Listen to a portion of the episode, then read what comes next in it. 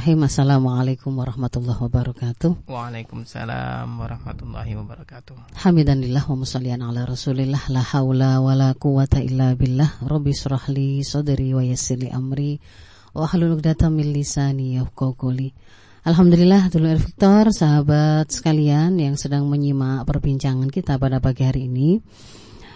Kita diperkenankan oleh Allah hadir kembali dalam majelis ilmu kita insya Allah majelis yang mubarakah karena kita akan membincangkan persoalan persoalan-persoalan yang kita hadapi tetapi kita akan berusaha mencari jawabannya bagaimana Islam memberikan tuntunan. Nah, dari situ nanti harapannya uh, apa yang kemudian masih menjadi persoalan yang kita hadapi bisa terselesaikan dan juga menjadi sebuah pencerahan yang bisa membuat kita berbagi dengan orang-orang yang ada di sekitar kita. Hmm. Hari ini uh, kita mengangkat satu topik ya. Saya sengaja mengangkat topik tentang pernikahan bukan permainan. Ini satu sisi uh, untuk menguatkan kembali pemahaman yang dimiliki oleh kaum muslimin di tengah arus akhir-akhir ini yang kita lihat ya di berbagai beberapa berita berita-berita yang viral itu seolah menjadikan pernikahan itu memang bahan candaan atau permainan ya.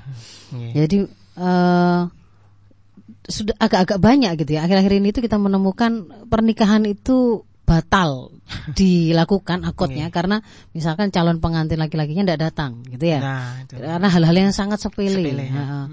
kemudian atau yang berikutnya adalah terjadi pernikahan itu tapi dalam hitungan hari mereka bercerai. Ada kan yang kemarin baru viral itu 8 hari menikah diceraikan oleh suaminya. Karena persoalan yang mm -mm. kalau kemudian mungkin netizen membaca atau mengikuti kisahnya ya rasanya ya sangat sangat sepele begitu ya. Katanya entah benar atau tidak misalkan ketika cara memasak nasinya itu nah. berbeda dengan uh, apa yang menjadi kebiasaan suami itu ternyata bisa menjadi penyebab perceraian. Ataupun kemudian uh, ada kemarin itu kita juga mendengar ya sempat viral juga adanya tren mengatakan sebelum masuk pada pernikahan itu sendiri kemudian ada ritual jatah mantan, masya Allah itu ya. Masya Allah. Jadi ketika mau mau menikah itu justru kemudian mencari mantannya untuk kemudian memberi jatah. Sebenarnya hmm. mungkin perzinahannya sudah sebelum sudah sejak sebelum pernikahan itu dilakukan, tetapi ya uh, pada waktu mau menikah itu justru justru kemudian ada beberapa tren dari mungkin generasi-generasi milenial atau generasi muda hari ini itu terus kemudian malah berzina lagi dengan mantannya yang kemudian membuat saya membaca komentar-komentar yang ada itu akhirnya ada yang komentar begini anak-anak yang anak-anak yang merupakan anak pertama dari pernikahan oto mikir apakah hmm. benar bapak yang selama ini saya anggap bapak saya itu adalah bapak biologi saya. Jadi kayak gitu akan membuat ada ketidakjelasan hmm. pada sebenarnya yang sedang dikandung itu anaknya siapa dan seterusnya. Padahal ini sebuah institusi pernikahan begitu ya. Jadi uh, orang menjadikannya sebagai mainan atau barang candaan. Okay. Kemudian juga uh, atau kita menemukan fenomena juga e, maraknya atau mudahnya kemudian orang itu berpikir untuk mengakhiri pernikahannya. Ini juga juga sesuatu yang e, banyak ya kemudian masuk ke dalam apa namanya ke pesan-pesan pribadi saya. Ada yang banyak yang bertanya atau mengkonsultasikan. Sampai kemudian apa e, mereka bertanya lalu batasannya begitu ya.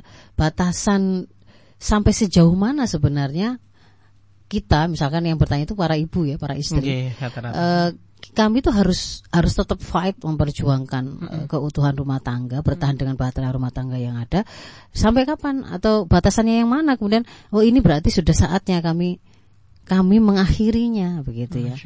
Kami harus e, berpindah kapal dan nakoda itu itu batasannya di mana. Nah, kami mengangkat topik ini sekaligus untuk menjawab beberapa pertanyaan yang ya. masuk kepada saya terkait dengan pernikahan ini. Jadi sahabat sahabat-sahabat sekalian yang mungkin menyimak dan beberapa waktu yang lalu mungkin ada, ada pertanyaan yang disampaikan kepada saya dan belum saya jawab secara personal. Uh, apa yang kemudian nanti saya sampaikan hari ini itu sekaligus menjadi jawaban, jawaban begitu ya hmm. untuk uh, pertanyaan yang disampaikan. Yeah. Hmm. Ya, baik. Jadi sebenarnya ketika kemudian kita melihat hari ini fenomena kok pernikahan ini menjadi sebuah sebuah candaan, ya. candaan dan hmm. mainan itu karena ketidaktahuan ya, karena ketidaktahuan karena kebodohan kejahilan dari hmm. mereka yang menjadikannya sebagai bahan candaan. Padahal kalau di dalam Islam yang namanya akad pernikahan itu adalah salah satu dari misakon ghalido. Misakon ghalido. Misak itu uh, perjanjian ya, atau piagam perjanjian. Sama seperti wa'ad atau janji, tapi misak ini lebih kuat ya. Ghalido itu artinya kuat, berat, tegas, kokoh. Jadi ini adalah sebuah perjanjian besar, kuat, berat, tegas, kokoh ya. Teguh. Kata misakon ghalido itu sendiri kalau kemudian kita lihat di dalam Al-Qur'an hanya disebut dalam tiga tempat, Mas hmm. Isak ya. Mewakili tiga peristiwa perjanjian besar ya.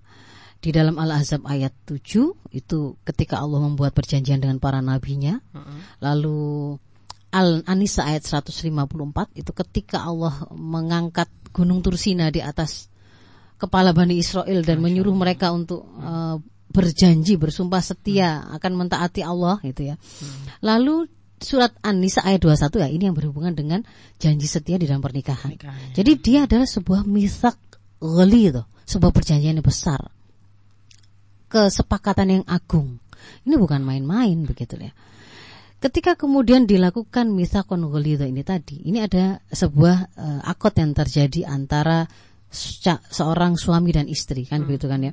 Sebuah perjanjian yang oleh Allah kalau kalau tadi ada dalam tiga peristiwa itu berarti dia kebesarannya gitu, kedahsyatan itu disejajarkan dengan ketika Allah membuat perjanjian dengan para nabi dan juga uh, me meminta perjanjian dari dengan Bani Israel gitu. Hmm. Jadi ini sesuatu yang agung bukan main-main. Allah sendiri yang kemudian mempersaksikan akot yang dilakukan. Kalaupun kemudian di situ sepertinya gitu ya, yang terlihat itu yang nampak adalah dua orang manusia yang hmm. sedang melakukan akot atau perjanjian pernikahan. Hakikatnya sebenarnya akot itu tadi hanya terjadi ketika ada nama Allah yang dipakai di situ. Masya Jadi ada seorang calon suami, ini seorang hmm. pemuda gitu ya. Hmm. Yang kemudian menggunakan nama Allah, gitu kan ya? menggunakan nama Allah hmm. untuk menghalalkan sesuatu yang tadinya haram. Masya Allah. Ya. Dia hendak meyakinkan seorang wali hmm. yang memiliki anak putrinya yang dia besarkan dengan penuh kasih sayang dan air mata dan darah pengorbanan dan seterusnya begitu. Hmm. Yang kemudian dia ambil sebagai amanah dengan menjadikan nama Allah hmm. sebagai hal yang meyakinkan, meyakinkan sang bapak ya. tadi, begitu kan ya? Hmm. Kalau saja misalnya sang bapak tadi itu hanya melihat profil sang pemuda tadi, eh, sopo sih hari Kurang. Nah, kan begitu. Hmm. Tetapi ketika kemudian sang pemuda tadi itu uh, berani menjadikan dengan nama Allah saya mengambil amanah ini, ya. itu sang orang tua ini sebenarnya yakin dengan keberadaan Allah lah yang akan menyaksikan, Allah yang akan mencatat, Allah yang akan kan katanya anak ini tadi itu mau menikah itu dengan nama Allah. Berarti dia akan menjadikan Allah itu sebagai pemberi tuntunan kan rujukan kan begitu kan ya. Karena itulah kemudian dia teryakinkan untuk memberikan anaknya sebagai amanah yang dipindahkannya kan begitu kepada seorang laki-laki yang mungkin baru dikenalnya kan begitu. Jadi di sini ini meskipun kesepakatan itu sepertinya dilakukan oleh dua orang, tetapi sebenarnya akad itu dibuat dilakukan dengan menggunakan nama Allah, dipersaksikan di hadapan Allah. Kan kita langsung meminta Allah menyaksikan, gitu kan ya. Oh, terus kini orang-orang di sekitarnya itu saksi melihat masa Allah nggak lihat. Itu Allah juga kemudian mempersaksikan akad tersebut dan juga menisbahkan ada di dalamnya itu makna menisbahkan pertanggungjawaban atas konsekuensi pernikahan tersebut, akad pernikahan tersebut juga kepada Allah. Kalau kemudian seorang suami tadi dia melakukan apa kedoliman-kedoliman pada istrinya misalkan, maka Allah yang akan menyaksikannya. Allah yang akan meminta pertanggungjawaban kepadanya. Implikasinya itu nggak hanya dia di dunia, tapi di akhirat nanti akan diminta pertanggungjawabannya kan begitu kan ya. Hmm. Demikian juga dengan ketika misalkan seorang istri yang dia kemudian menyetujui menerima uh, perjanjian pernikahan tadi kemudian ternyata dia tidak melaksanakan apa yang menjadi tanggung jawab sebagai istri sebagaimana dituntunkan oleh Allah, maka itu pun akan dipertanggungjawabkan oleh dia di hadapan Allah. Hmm. Sampai nanti ketika kemudian dia dikembalikan lagi kepada Allah di akhirat nanti begitu. Jadi implikasi pernikahan itu tidak hanya di dunia ini, tapi sampai di akhirat, di akhirat. sampai di akhirat. Ini urusannya itu seperti itu. Ujungnya itu pada ridho dan kemurkaan Allah, surga atau kan neraka Allah. Iya. Bukan semata-mata susah menjalani hidup uh, pernikahan di dunia ini uh, apakah apakah apa namanya miskinnya apakah uh, susahnya menghadapi beban ekonomi yang hmm. hanya berhenti di pernikahan ini ndak di dalam pernikahan di dunia ini ndak hmm. tapi itu implikasinya sampai di akhirat. Kita hmm. selama-lamanya nanti ujungnya ada di mana? Hmm. Mendapatkan ridho Allah atau murka Allah, mendapatkan surga Allah, berkumpul kembali hmm. di surga Allah dalam dalam suasana penuh kebahagiaan hmm. beserta seluruh keluarga kita ataukah kemudian berhadapan-hadapan sebagai musuh di neraka Allah sebaliknya gitu ya? iya sebaliknya begitu malah musuh-musuhan hmm. begitu nah jadi ini seperti itu. Ini adalah misakon golido. Kesadaran akan hubungan para pihak dengan Allah. Ya. Para pihak yang membuat akot tadi dengan Allah lah. Yang akan membuat uh, para pembuat akot itu memegang kuat tuntunan yang diberikan oleh Allah. Begitu. Jadi dari sini kita melihat kok ada orang yang sudah janjian, ayo nanti nikah ya, kita bikin akot ya. Mau kita mau ngajak, mau mau membuat sebuah hmm. persaksian menggunakan nama Allah, hmm. menjadikan Allah sebagai pihak yang mempersaksikan, yang nanti juga akan meminta pertanggungjawaban dari apa yang kita berjanjikan. Ternyata terus balik kucing, ternyata kemudian main-main, ternyata hmm. kemudian nah, itu sebenarnya uh, menunjukkan bahwa ada sebuah kelemahan pemahaman yang sangat yang sedang menimpa umat ini. Hmm. Bahkan sampai mereka tidak mengerti bahwa setiap amal yang harusnya dia lakukan itu harus dia ilmui. Sehingga kemudian tidak kemudian main-main dalam melakukan uh, amal apa pun begitu ya. Nah, termasuk pernikahan ini. Ini satu. Bahwa sebenarnya pernikahan itu sangat kuat, sangat berat dalam Islam. Lalu bagaimanakah uh, supaya kemudian pernikahan ini juga tidak menjadi apa namanya sesuatu yang kayak main-main mudah dibubarkan gitu ya, mudah sekali mudah sekali kemudian diakhiri, akotnya kemudian diang, dibatalkan, dianggap nggak usah diteruskan lagi. Yeah. Itu kemudian uh, mengapa sampai terjadi seperti itu? Karena ada sebuah lanjutannya ya jadi mulai dari gak paham itu akot itu sebenarnya seperti apa kedudukannya dalam Islam, implikasinya bagi kehidupan mereka dunia dan akhirat, juga ketidakfahaman bahwa sebenarnya menjalani kehidupan, menjalani pernikahan hmm. itu sebenarnya adalah salah satu episode hidup kita yang tidak bisa kita lepaskan dari uh, tujuan kita ini dihidupkan gitu. Jadi ya. kita itu dihidupkan kan dengan misi. Hmm, hmm. Dengan visi penciptaan wa ma khalaqtul jinna wal insa illa liya'budun. Kan gitu kan ya kita hmm. itu diciptakan oleh Allah itu hanya untuk beribadah kepadanya, hanya untuk beribadah kepadanya dalam seluruh episode hidup kita. Kalau kemudian dalam perjalanannya ternyata kemudian kita itu uh, tumbuh menjadi anak, maka di situ episode hidup yang juga harus kita atur, kita kita ikatkan dengan tuntunan Allah supaya dia menjadi eh, sebuah ibadah dalam rangka ibadah. Ketika kemudian akhirnya kita tumbuh, kemudian kita menikah, kita menjadi cal menjadi seorang suami atau seorang istri, maka itu pun bagian dari harusnya menjadi bagian dari hidup kita yang ibadah tadi. Ketika tadi. iya, kemudian kita diberi amanah uh, anak kemudian mendapatkan keturunan di situ maka mau prinsip-prinsip pendidikan pengasuhan anak atau parenting itu pun sebenarnya ketika kita menjalaninya itu adalah sebagai bagian dari menjalani hidup kita yang harusnya itu ibadah tadi. Itu terus begitu. Nah, ini hari ini itu ada ada ada satu sisi kelemahan uh, kaum muslimin yang sangat terkait dengan pemahaman ini. Sisi yang lain memang ada upaya dari musuh-musuh Islam yang memang berusaha meruntuhkan bangunan keluarga muslim ya.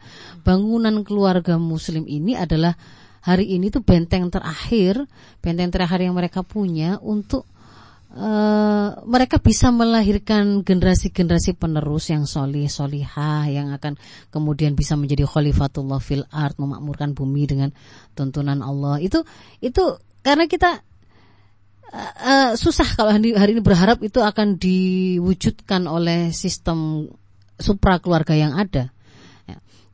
Tetapi ada banyak keluarga-keluarga yang masih ber, masih berusaha untuk berjuang untuk menghasilkan generasi seperti itu kan. Nah, itu kemudian juga mulai dilemahkan gitu kan. Jadi uh, banyak sekali upaya untuk me, melemahkan me, me, melemahkan keluarga ini itu bahkan apa namanya sejak dari mempertanyakan atau berusaha melepaskan kalau mau me, mau membuat sebuah akad pernikahan itu jangan jadikan pernikahan itu tuh sebagai sebuah yang ada hubungannya dengan agama. Tetapi itu adalah kontrak sosial saja. Jadi nggak usah dikaitkan dengan misalkan di situ ada hukum tentang wali. Mm -hmm. Atas nama gender gara-gara ada hukum wali itu kan akhirnya nggak adil itu. Laki-laki menikah nggak harus ada wali, perempuan mm. harus dengan wali. Itu sebenarnya sedang sedang menyerang institusi keluarga muslim karena mm. yang punya konsep itu itu Islam kan begitu kan ya. Kalau kemudian pakai dihubungkan dengan agama, jadinya membangun keluarga itu kan akhirnya pakai ada sebuah konsep akan ketemu dengan konsep bahwa arijalu kawamun ala nisa. Pemimpin keluarga adalah laki-laki. Itu kan gak adil dalam perspektif gender. Hmm. Kalau kita lepaskan dari agama hanya kontrak sosial saja, tergantung kesepakatan. Siapa yang jadi kepala keluarga, siapa yang jadi ibu, siapa yang jadi pendidik anak, tergantung saja gitu. Jadi termasuk juga definisi keluarga meskipun beberapa tahun yang lalu definisi keluarga ini yang ingin digolkan itu gagal ya. Jadi mereka hendak mengadopsi contoh definisi keluarga di luar yang tidak mengkaitkannya dengan dengan agama yaitu e, ber berkumpulnya sepasang ya pasangan atas dasar cinta untuk hidup bersama kesepakatan untuk hidup bersama atas dasar cinta nggak harus itu di situ suami istri nggak harus di situ itu laki perempuan gitu loh hmm. keluarga itu bisa dibentuk oleh laki-laki laki-laki perempuan dan perempuan itu terserah definisi keluarga nah, itu. itu yang kemudian hari ini pada beberapa negara itu sudah di, diadopsi definisi Masa. begitu kan hmm. LGBTQ gitu kan ya sehingga kalau kemudian ini tuh diadopsi oleh umat Islam ya memang akan akan hancur bangunan keluarga kita ini. Ini termasuk musuh-musuh dari umat Islam itu tadi ya. Iya, jadi dan arus ini memang hari ini sedang gencar. Kenapa kita disuruh men, menganggap normal yang namanya LGBTQ itu? Kita di, disuruh menganggap normal bahwa ada orang yang mau membangun keluarga itu dengan orientasi seksual yang sejenis kan begitu kan ya. Jadi ini memang satu sisi ada ada kelemahan yang sangat tapi juga ada ada faktor uh, eksternal dari kaum muslim yang memang sedang ada serangan ghazul fikri, ghazul sakofi bahkan sampai pada level asosiasi perang politis karena itu kemudian mulai masuk ke dalam perundang-undangan begitu loh. Ada perjuangan untuk meng, menjadikannya itu legal. Hal-hal yang rusak tadi itu sudah masuk dalam uh, advokasi untuk kemudian masuk di dalam perundang-undangan. Ya Jadi ini yang sedang terjadi. Lalu bagaimana kalau pertanyaan berikutnya Mas Ishak ya, ya. bagaimana kemudian uh, kita kaum muslimin uh, harus mempersiapkan diri untuk untuk memasuki sebuah pernikahan ya. Maka ada beberapa tuntunan dari syariah yang ini harus diketahui, harus difahami, disadari oleh semua semua muslim muslimah yang kemudian hendak melakukan atau mengambil uh-huh. amal pernikahan tadi begitu ya. Yang pertama adalah tentang uh, apa sebenarnya tujuan dari pernikahan itu? Apa sebenarnya yang mau dicari dengan pernikahan itu? Itu kan iya. harus harus ngerti gitu loh. Kalau hmm. kemudian kalau kemudian salah menetapkan arah tujuan itu kan akan menjadi arah, akan menjadi arah begitu ya, akan menjadi dia dia adalah visi yang akan mengarahkan kita mau me mengarahkan kapal kita ini bahtera kita ini ke arah mana. Kalau nggak punya tujuan, misalkan orang mau pergian, mau ke mana? Pokok pokok melaku lah. Yuk bisa kita pastikan dia akan muter-muter, bisa jadi sampai kelelahan, kehabisan energi, kehabisan seluruh sumber daya, kehabisan ongkos, tapi dia nggak nggak sampai-sampai begitu.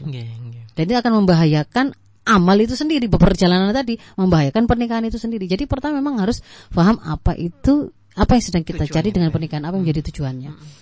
Nah, di dalam ke, bagi keluarga muslim, begitu ya, bagi keluarga muslim, kalau kita membaca tuntunan Rasul ketika mendoakan sebuah pernikahan, itu kan ada doanya ya, bahkan ada lagunya ya. Apa Mas Isak ya?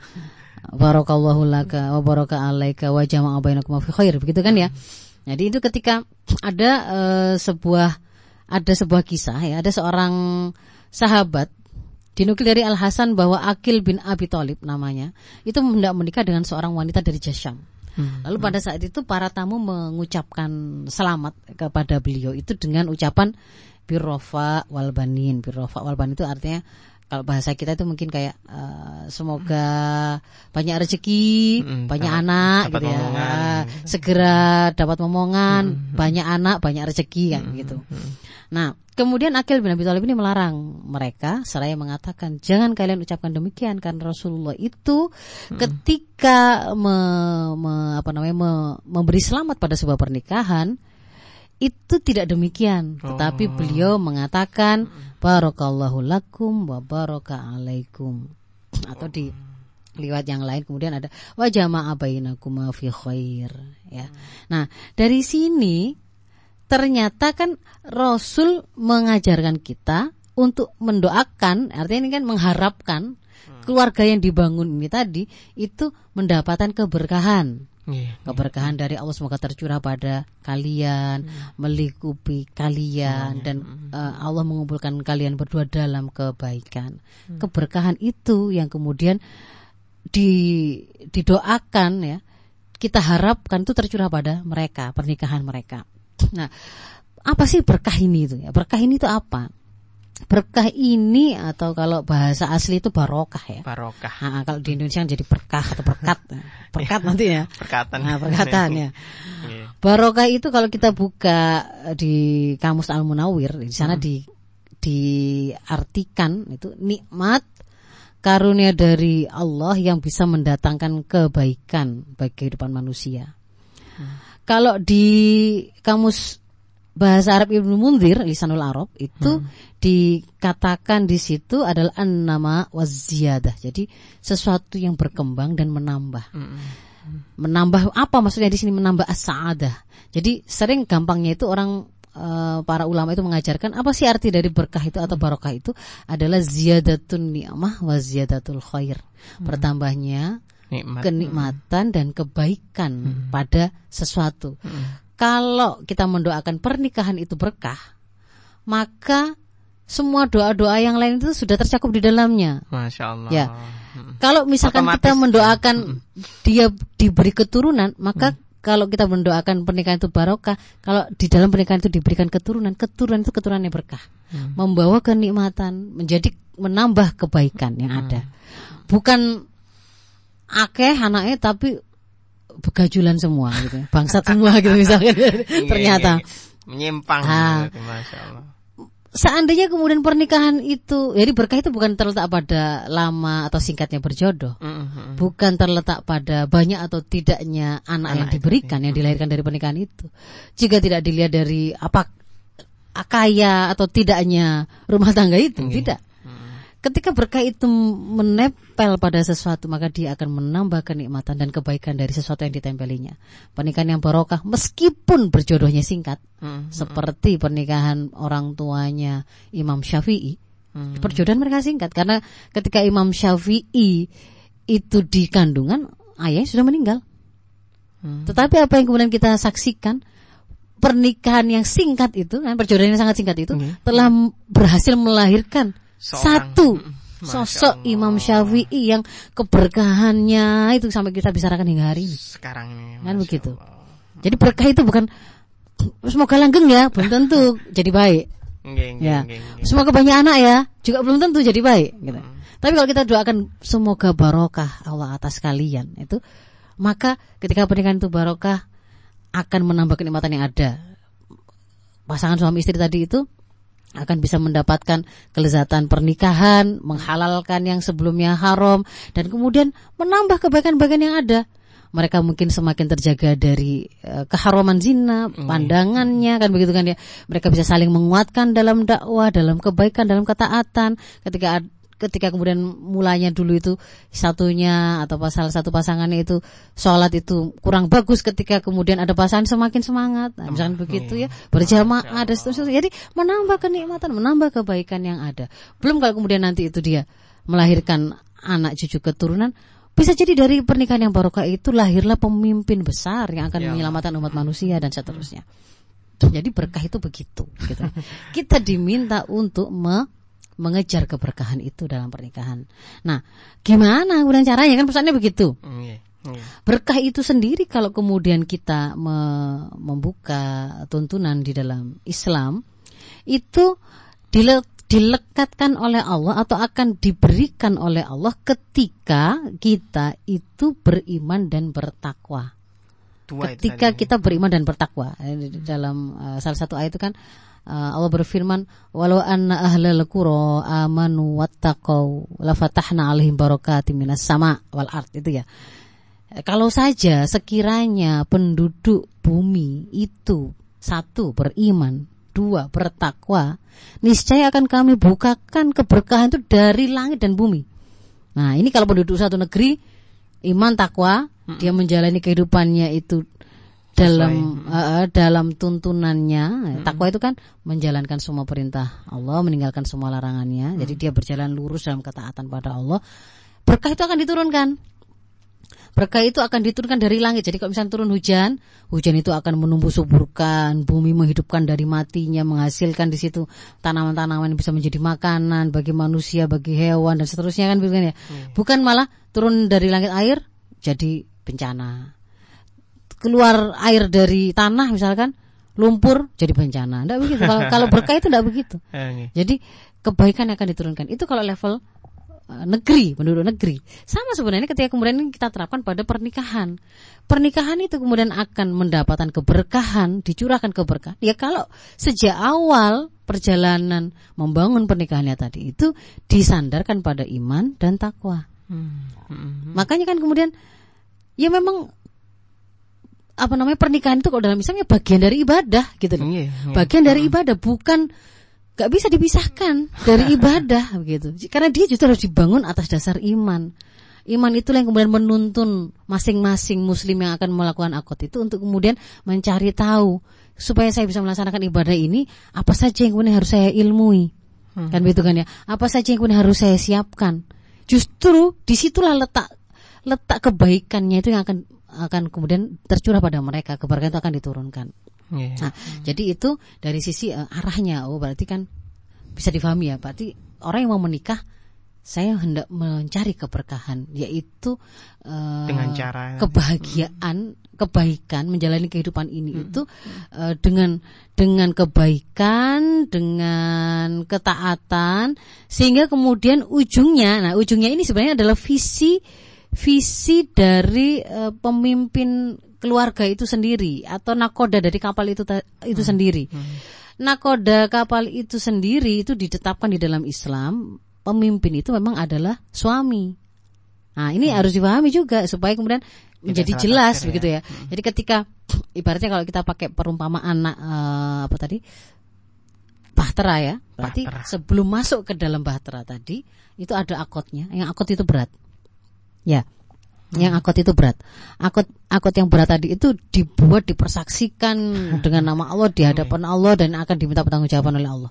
Lalu kemudian oh ya sepakat masuk ke situ. Hmm. Maka kemudian di dalam akut itu kita sepakat bahwa kita mau ke mana supaya ini menjadi perjalanan yang berkah membawa kebaikan. Kita akan sandarkan semua tuntunan rambu-rambu yang akan kita pakai selama menjalani perjalanan itu sesuai dengan tuntunan Allah. Nah, hmm. di dalam tuntunan Allah ternyata juga diberitahukan bahwa pe uh, apa namanya pemimpin di dalam bahtera itu atau nakoda bahtera itu adalah suami. Ar-rijalu qawwamun 'ala nisa. Kan begitu ini. Seorang suami. Maksud dari kepemimpinan di sini ini bagaimana? Apakah itu berarti dia itu berhak untuk melakukan kedoliman kepada istrinya hmm. semena-mena pada anak-anaknya ataukah itu hubungan seperti atasan dan bawahan atau yang menggaji dengan digaji atau bagaimana gitu. Nah, iya. yang dimaksud dengan pemimpin itu adalah dia adalah sahibu kalimatil akhirah ya. Pemilik kalimat akhir. Kalimat akhir itu keputusan. Mas Isak. Yang mengetok itu. Ah, keputusan. pemilik keputusan itu adalah pemimpin. Hmm. Pemilik keputusan adalah pemimpin. Hmm. Di dalam organisasi apa pun, dalam uh, apa namanya sekecil apa pun itu itu pasti dibutuhkan adanya pemimpin yang dia punya kewenangan untuk menetapkan keputusannya apa. Kalau semuanya posisinya sama, tidak ada yang punya uh, kewenangan untuk memutuskan, ya tidak akan bisa jalan kan gitu kan ya. Pasti harus ada yang kemudian memutuskan. Misalkan ada perselisihan begini, akhir keputusannya apa? Itu harus ada. Pemegang keputusan itu adalah pemimpin. Nah, di dalam rumah tangga ini pemimpin itu adalah suami. Pemilik keputusan terakhir itu adalah suami. Akan tetapi hubungan yang terjadi di antara suami dan istri itu adalah kalau di dalam Islam itu adalah hubungan uh, suhbah persahabatan yang hakiki, persahabatan dua dua orang yang saling menyayangi, saling mencintai namanya persahabatan.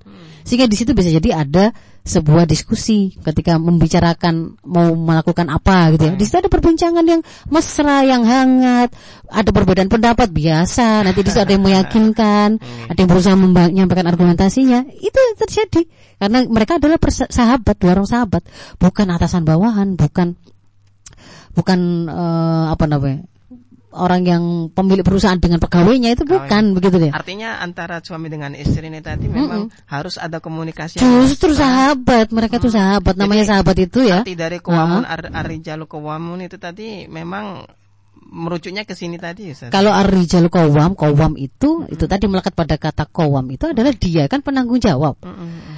Itu melekat pada penanggung jawab itu adalah dia memang punya kewenangan untuk memutuskan. Oh. Begitu loh. Jadi, hmm. tapi sebelum di, keputusan itu diambil, harus. Nah, dia namanya sahabat, sahabat baik, gitu kan ya. Dia yeah, akan yeah, dengarkan, yeah. dia akan bicara, dia akan ber, meminta pertimbangan, Tetap, masukan dan seterusnya. Hmm, hmm, hmm. Tapi kalau kemudian uh, tidak ketemu, misalkan begitu, hmm. tidak kemudian ngambang terus. Iya, gitu. Iya. Tetapi kemudian di situ harus diputuskan dan siapa pemegang keputusan itu itu adalah para suami, hmm. begitu ya. Jadi yang yang berikutnya tadi adalah hubungan di antara mereka adalah hubungan persahabatan yang harmonis yang saling menyayangi dan mencintai. Hmm, nah, si pemilik keputusan ini, si nakoda ini itu harus paham apa visi dia hmm. mau ke mana kapal ini dibawa, gitu ya. Hmm. Kapal ini dibawa itu berarti kan tujuan akhir dari uh, perjalanan bahtera keluarganya hmm. tadi itu adalah dia mengantarkannya pada ujung paling akhirnya itu adalah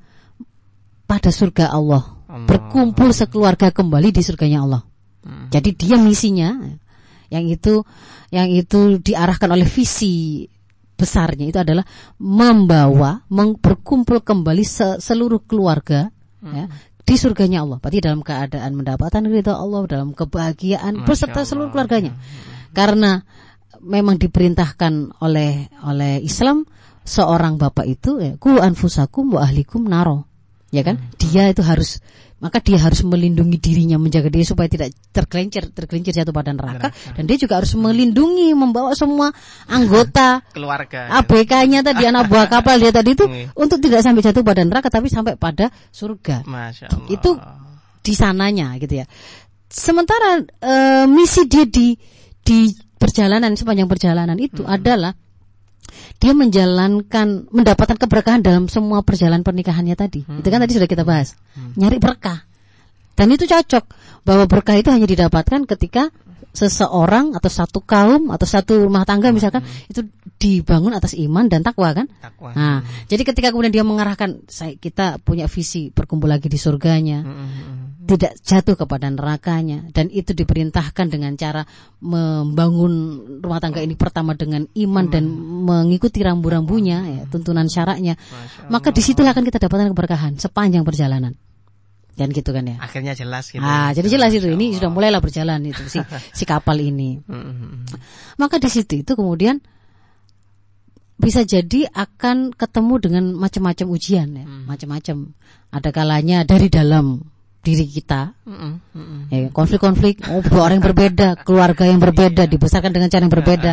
Kayak komunikasi yang ternyata berbeda, begitu kan ya. Mungkin ada ada perselisihan pendapat, ada kebiasaan menjalani hidup yang juga berbeda antara naruh anduk di mana menjemurnya bagaimana cara masak nasi tadi seperti yang tadi ya kasus yang di depan tadi saya sampaikan ternyata berbeda begitu kan ya.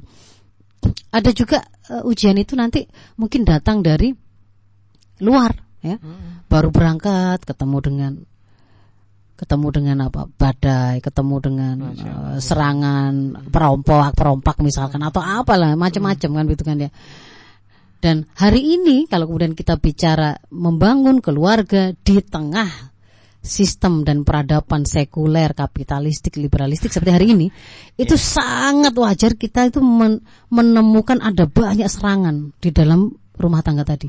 Jangankan sudah berjalan di tengah-tengah. Tadi saya katakan kan ada fenomena jatah mantan. Itu kenapa ada begitu? Itu sebenarnya adalah karena sistem sekuler yang men, me, me, menghilangkan keterikatan kepada syariah atau agama atau wahyu kemudian mengatur pergaulan semaunya dia hmm. yang hedonis yang liberal akhirnya muncullah itu tadi pergaulan yang rusak hmm. dan itu bahkan kemudian bisa menjadi penghalang bahkan sejak sebelum kapal itu berangkat Batra tadi berangkat ya kan ya. ujian ini apalagi nanti nah, di situ ada banyak maka yang akan bisa membuat dan memastikan apa namanya selamat perjalanan aman. itu selamat hmm. itu adalah satu kepemimpinan kuat dari seorang suami tadi. Jadi dia harus paham betul visinya tadi dia harus pegang betul. Dia harus ngerti rutenya. Rutenya tadi itu kan adalah rambu-rambu yang ditentukan oleh Allah. Mm. Maka dia pasti harus menjadi orang yang menguasai dulu, menguasai betul apa saja sih tuntunan-tuntunan Islam yang berkaitan dengan pernikahan ini. Hak dan kewajiban suami, istri, hak orang tua pada anak, hak anak pada orang tua, bagaimana bisa mengatur hubungan mantu dengan mertua. Hmm. Bagaimana ketika kemudian menghadapi uh, istri yang uh, mungkin bangkang, bagaimana kemudian dia, ketika dia kemudian mengalami kesulitan uh, mencari nafkah, itu semua harus diilmui dulu. Bahkan sampai baru nikah pun itu sebenarnya sudah harus mengilmui bagaimana perceraian itu bisa terjadi, gitu loh. Hmm. Supaya tidak ngawur, bolak-balik, wes tak talak kamu, tak talak kamu. Dia tidak ngerti bahwa kalimat itu tadi itu bukan main-main, begitu loh. Gara-gara tidak mengilmui. Jadi menikah itu juga termasuk mengilmui tentang hukum-hukum perceraian. Masya Allah. Begitu ya. ya, ya. Supaya tidak jatuh pada ternyata dia sudah menjatuhkan talak. Sebenarnya pada saat itu berarti sudah haram secara uh, tidak sengaja. Uh, uh, dia berhubungan dengan istri, tapi ternyata dia masih menganggap itu enggak itu kemarin hanya main-main saja, enggak ada oh. kemudian dianggap enggak, terjadi apa-apa. Nah, iya iya iya. Itu kan ya berarti Allah. oh dia harus paham bahwa dia juga harus benar-benar kontrol dirinya juga bagus untuk tidak mudah menyampaikan segala apa namanya bermudah-mudah dalam menjatuhkan kata cerai dan seterusnya. Itu yang pertama, jadi kuat ya pimpinan ini. Yang kedua, untuk bisa menjalankan bahtera ini itu dengan aman, memang kemudian oleh Allah dikasih dikasih hak si si pemimpin ini supaya nggak direcoki gitu ya dalam perjalanan ini ya. Dia dikasih hak untuk ditaati oleh anak buahnya, nah, termasuk di situ istrinya, hmm. anak-anaknya, secara mutlak kecuali satu kondisi. Jadi dia wajib ditaati mm -hmm. perintahnya suami itu oleh istri dan anaknya kecuali satu kondisi Apa yaitu kalau dalam rangka maksiat. Oh. Kalau maksiat gak wajib taat. Gak wajib kita. Tapi kalau masih lurus gitu ya, masih mengikuti rutenya meskipun hmm. dia itu si nakoda ini nggak terlalu cakap dalam membaca arah arah, arah angin. Iya. Untuk-untuk misalkan sebenarnya kalau mungkin si istrinya ini lebih tahu begitu ya. Hmm. Harusnya itu kalau mau ke situ itu rute terdekat itu begini gitu ya. Hmm Iki suami ini gak pati ngerti, bingungan ya. Munyer munyer. Kalaupun seperti ini, kalau memang itu masih kemudian dalam rute arah yang menuju ke tujuan yang sama, hmm. itu kan bisa di bisa berbagi di situ. Hmm. Si istri punya kelebihan, berikanlah itu uh, kelebihan mengisi. tadi untuk membackup. Bisa lewat sini mas, kan begitu kan ya. Bisa disampaikan begini. Ini nanti kalau lihat kalau lihat lihat uh, tanda-tanda awannya begini, kayaknya di sebelah sana akan terjadi badai. Hmm kita lewat sini saja atau bagaimana. Kalau misalkan itu sang istri yang memiliki kemampuan lebih, maka di situlah makna mereka sahabat yang baik, satu sama lain adalah pakaian bagi yang Masya lainnya, Allah. kan begitu. Bukan kemudian, wah bojoku ini ternyata untuk hal-hal sifatnya sepele gitu, kemudian ah. menganggapnya sebagai masalah besar dan menjadi alasan untuk mengakhiri perjalanan. Masa suamiku itu tiap jemur anduk, tiap mandi anduknya itu basah-basah taruh di kasur. Saya membaca di sosmed-sosmed itu juga banyak yang kemudian mengangkat itu sebagai sebuah masalah iya, begitu ya. Hal sepele. Nah, itu, ya. itu itu maksiat apa enggak? Hmm. Itu sesuatu yang akan mem membahayakan perjalanan bahtera ini untuk akhirnya gagal sampai kepada tujuannya ataukah tidak? Hmm. Kalau tidak, kalau itu adalah kekurangan, misalkan kekurangan cara berkomunikasinya suami saya tidak romantis, dia jarang mengingat hari ulang tahun saya atau hari-hari ah. apa misalnya nggak nggak pernah pernah ngasih bunga nggak pernah kalau kemudian hal itu sifatnya sifatnya seperti Sepilih, itu ya. maka longgar berlonggar longgarlah hmm. maafkanlah kalau mau memperbaiki perbaikilah sebagai seorang sahabat satu sama lain yang ingin memperbaiki kualitas kan begitu kan ya oh, biar ngerti bagaimana kemudian sesuatu yang menyenangkan itu sebenarnya dibuat oleh mereka sendiri. Jadi di dalam perjalanan itu bagaimana suasana yang terjalin supaya mereka itu Bisa menikmati kuat. perjalanan hmm. itu, maka itulah kemudian berbicara tentang hal-hal yang sifatnya tambahan, hmm. yang mengindahkan. Hmm. Bagaimana akhirnya kemudian membaguskan layanan kan gitu ya. Jadi Iya, iya. Masing-masing itu mencari cara, belajar cari ilmu bagaimana sih berkomunikasi dengan suami supaya nggak salah paham, dengan istri supaya dia merasa sangat disayangi dan diperhatikan. Bagaimana sih meningkatkan layanan uh, suami dan istri? Misalkan, oh supaya istri saya senang saya tak belajar mijeti misalnya begitu. Atau yang perempuan belajar masak. Ini bicara hal yang sifatnya bukan bukan prinsip begitu loh. Tapi itu kalau kemudian diperlukan untuk mengindahkan baru dibicarakan, baru diusahakan setelah hal prinsipnya itu tadi sudah ditetapkan. Oh iya baiklah. Begitu, kita break dulu ya. Iya. Masya Allah, Dulur Al Victor. Hmm, pernikahan bukan permainan. Tidak gampang untuk membangun pernikahan harus disertai dengan ilmu, ada visi dan juga ada misi. Ibarat tadi seperti bahtera kapal itu tadi, masya Allah. Anda harus kuat sebelum kita berangkat pun sudah ada ujian apalagi ketika itu kita berangkat dalam perjalanan. Oleh karena itu, nanti Anda juga bisa bergabung dengan kita di 081 234 9393 90 setelah jeda berikut ini. Yang selalu bikin cinta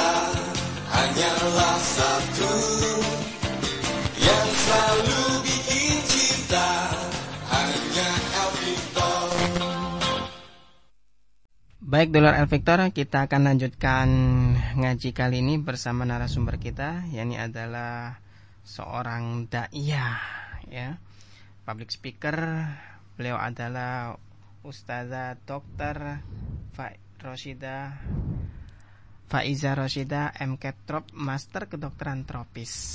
Baik, kali ini kita akan masuk ke WA ya Ustaz. Ya, kita lanjutkan. Silakan. Ada beberapa pertanyaan dari pendengar ada Bu Umi Sedati ya. Oh. Assalamualaikum. Ustazah. Kalau memberikan setiap keputusan dalam rumah tangga adalah istri, apakah boleh dalam Islam? Juga ini ada lagi dua pertanyaan Bunda yeah. dari apa namanya itu uh, pendengar uh, Akhi Yamin Astiroci Astorocoi mau menanyakan kepada Ustazah apakah doanya agar mudah dapat jodoh yang soleha? Yang pertama, mm. yang pertama tadi, apakah kalau misalkan istri itu bisa membuat keputusan, mm. apakah itu boleh dalam yeah. Islam? Mm. Dan yang kedua, doa mm. dapat jodoh. Ya. Yeah. Jadi kalau masih ada suami, maka pemimpin itu adalah suami, begitu ya. Pemimpin oh, adalah suami. Ya? Iya, pemimpin adalah suami. Jadi sahibul kalimatil akhir atau pemegang keputusan itu adalah suami karena dia pemimpinnya. Tetapi kalau kemudian sang pemimpin ini mewakilkan atau memberikan uh, kesempatan untuk satu perkara misalkan, hmm. itu silakan ibu putuskan wis. Ya, itu berarti keputusan dia adalah pada apa yang kemudian di sudah diberikan atau dialihkan Amanat oleh sang suami ya. tadi hmm. begitu kan jadi misalkan ibunya kemudian misalkan ini masalah uh, apa namanya mau menyelenggarakan pernikahan anaknya gitu ya uh, ini mau catering mana mau baju apa dan seterusnya yeah, yeah.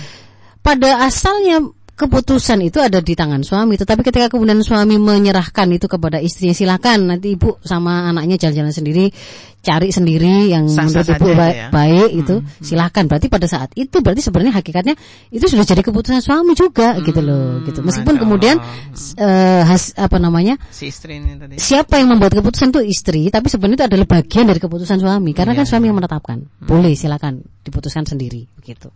Misalkan termasuk apa namanya. Uh, rumah ini mau dicat apa sofanya bagaimana wis ibu yang milih lah interior ini mau dibikin apa silakan nah, itu juga seneng senengnya iya, sampean gitu ya. begitu ya. itu juga sebenarnya keputusan suami oh. begitu loh tidak harus kemudian dia sendiri yang memberikan keputusan akhirnya begitu bahkan bisa jadi nanti kita kita bisa jadi misalnya begini kita nyari misalkan ada masalah ya anaknya tentang tentang anaknya begitu yang kemudian mereka merasa perlu untuk mengonsultasikannya kepada ahli atau pakar nanti keputusan kita ambil sesuai dengan kita ambil dari arahan dari ahli tadi aja gitu misalkan. Itu kan juga keputusan suami sebenarnya begitu. Meskipun dibuatnya sesuai dengan arahan dari pakar yang mereka dengarkan gitu. Ahli yang mereka dengarkan begitu.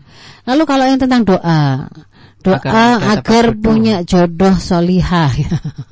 Ya ada di antara kalau di Al-Qur'an itu Rabbana hablana min azwajina wa dzurriyyatina qurrata a'yun waj'alna lil muttaqina imama. Itu itu sudah komplit tuh. Kita minta untuk diberikan uh, dari pasangan-pasangan kita. Kalau kita minta diberi pasang dari pasangan-pasangan kita anak-anak yang kurota ayun dan menjadi pemimpin orang bertakwa itu kan berarti ada pasangannya, dapat pasangannya. Hmm, hmm. kita mintanya itu nanti dari pasangan itu lahir-lahir anak-anak yang jadi pemimpin orang bertakwa. Berarti kan kita juga sudah minta terkandung dalamnya itu diberi pasangan kan begitu. Nah, pasangannya itu adalah ibu yang bisa melahirkan anak, anak kurota ayun, takina imama. Dan e, dijanjikan oleh Islam bahwa orang baik itu hanya untuk laki-laki yang baik hanya untuk perempuan yang baik. Laki-laki pezina itu untuk para perempuan pezina. Maka kalau pengen kemudian saya punya harapan untuk punya istri solihah gitu ya, hmm. ya jadi soleh dulu. Jadi artinya ya, jadi soleh dulu. Yang berdoa ini tadi harus Iya, soleh dulu. Karena karena me, me, apa namanya? melayakkan diri untuk menjadi su, menjadi suami yang dapat istri solihah iya. itu itu adalah dia harus soleh. Harus soleh gitu. dahulu. Ya. ya. Gitu Mas Isak. Hmm. Adakah yang lain atau saya lanjutkan tadi ada satu ya, yang masih tertinggal? Hmm. Hmm. Ada satu lagi tadi yang masih belum saya jawab. Hmm belum saya terangkan dalam uh, pernikahan tadi ya. Jadi kalau kemudian sering ditanyakan sampai di mana Ustaz uh, kami itu harus memperjuangkan si bahtera tadi ketika menghadapi ujian. Mm -hmm. Kapan harus tetap berjuang, kapan harus wes sudah mengakhiri gitu ya, wes ya. buyar buyar gitu ya. Kemarin ketika pandemi kita mendapati banyak sekali banyak. rumah tangga rumah tangga yang kemudian uh, bercerai bersepakat Mas, untuk mengakhiri perjalanan. Ya Wis dewe-dewe ya biar dewe-dewe karena hanya hanya karena menghadapi situasi ekonomi yang sulit dan seterusnya. Nah, sebenarnya apa batasannya? Kalau ibu-ibu ya, bapak-bapak juga mungkin ada yang mendengar gitu ya. Itu loh Victor semua. Ketika kita paham bahwa pernikahan tadi itu harus sampai di tujuannya yaitu surga Allah dan sepanjang perjalanan ini kita harus senantiasa mendapatkan keberkahan supaya terasa nikmatnya perjalanan itu, supaya terasa bertambah kebaikannya dengan cara kita mentaati aturan-aturan dan tuntunan Allah. Rambu-rambu itu kemudian kita ilmui gitu kan ya. Hmm. Ada program khusus untuk suami, istri dan keluarga itu selalu belajar ngaji supaya ngerti apa dan bagaimana mereka harus menjalani kehidupan selama menaiki bahtera tadi gitu ya. Kalau kemudian itu, itu sudah dilakukan begitu, maka kapan kita itu kemudian mengakhiri? Kapan kita ganti nakoda kalau para istri itu? Hmm. Ya. Kapan kita harus memutuskan kita keluar dari kapal itu? gitu.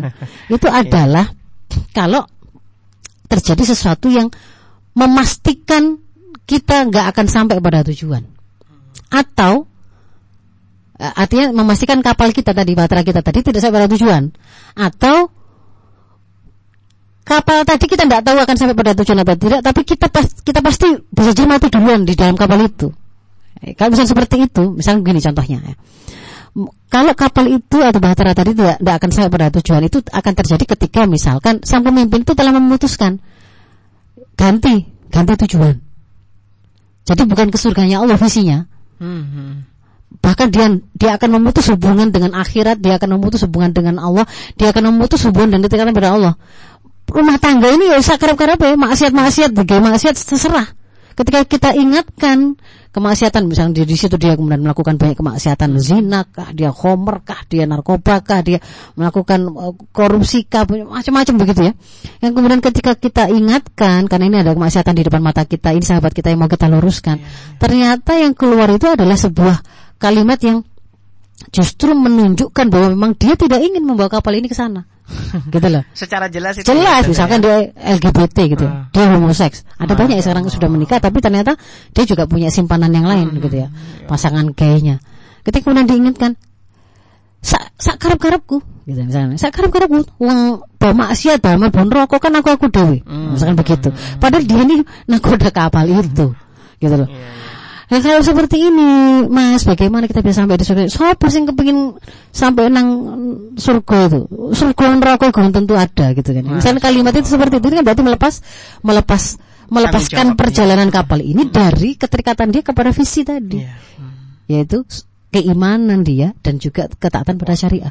Kalau itu kemudian secara jelas disampaikan, itu kan berarti si si nakoda kapal merubah merubah haluan, sudah merubah tujuan Ya Allah. Ya kan nggak pindah ke sana tapi budalan rokok ini. lah kalau seperti itu ya, boleh untuk mengakhiri ya. Boleh untuk kemudian berpikir untuk pindah kapal, pindah nakoba, nakoda. Atau kalau yang lain misalkan ketika kita ada di dalam kapal itu ternyata misalkan suami itu melakukan misalkan ini ya ini contohnya misalkan suaminya yang melakukan kekerasan dalam rumah tangga yang itu membahayakan nyawanya hmm.